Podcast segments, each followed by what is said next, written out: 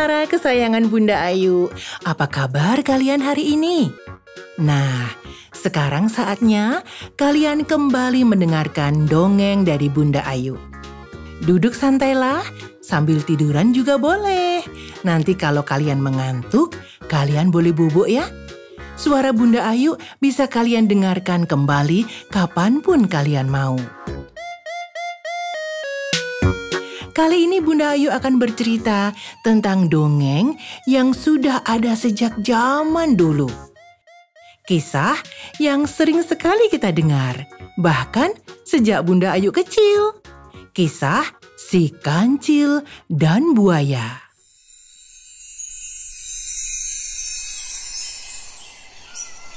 Pada suatu hari, kancil sedang berjalan-jalan di hutan. Tiba-tiba perutnya terasa lapar. Lalu ia melihat ada banyak buah segar yang ada di pohon. Namun, pohon-pohon itu ada di seberang sungai yang beraliran deras. Kancil pun bingung bagaimana caranya ia dapat melewati sungai untuk mendapatkan buah-buah itu.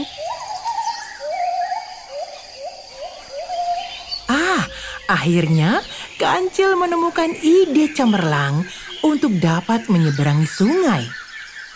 Lalu Kancil pun memanggil seekor buaya yang tinggal di dalam sungai. Hei buaya, keluarlah.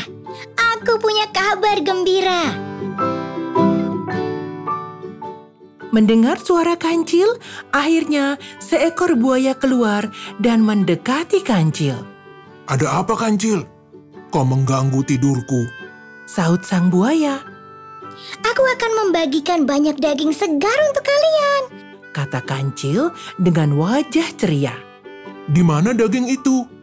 Jawab buaya dengan raut wajah buasnya.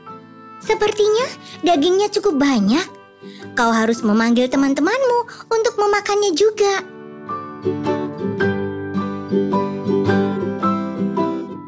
Akhirnya, buaya besar itu memanggil kawanan buaya yang lain.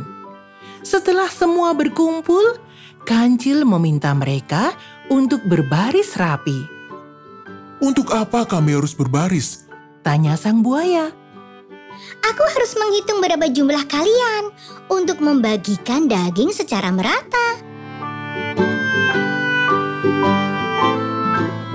Kancil pun berhasil meyakinkan mereka dan buaya-buaya tersebut mengambang berjajar membuat barisan seperti membentuk sebuah jembatan. Kancil pun bersiap berjalan di atas punggung buaya sambil pura-pura menghitung jumlah buaya. Baik, aku akan mulai menghitung. Satu, dua, tiga, kata kancil sambil menginjak satu persatu punggung buaya yang kokoh menutupi permukaan aliran sungai yang deras. Dari satu buaya ke buaya berikutnya, kancil melangkah dengan mantap sambil terus menghitung. Hingga akhirnya ia pun sampai di seberang sungai tanpa harus tenggelam. Ia menggunakan punggung buaya sebagai pijakan untuk menyeberang. Sekumpulan buaya yang ganas itu pun bisa tertipu oleh kecerdikan kancil.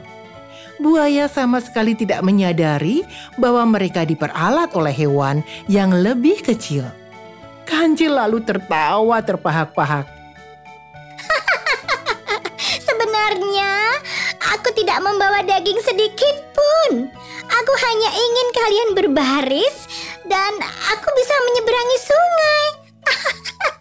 Ternyata mudah sekali memanfaatkan kalian ya. Kata kancil sambil menjauhi sungai menuju pohon-pohon yang penuh buah. Sekelompok buaya tersebut akhirnya marah dan hendak memakan kancil. tetapi sudah terlambat karena kancil sudah lari menjauh dari mereka. Nah, anak-anak, dongeng ini membuktikan bahwa kecerdikan dapat mengalahkan kekuatan. Nantikan cerita Bunda Ayu yang lain ya dalam Nusantara Mendongeng. Sampai jumpa.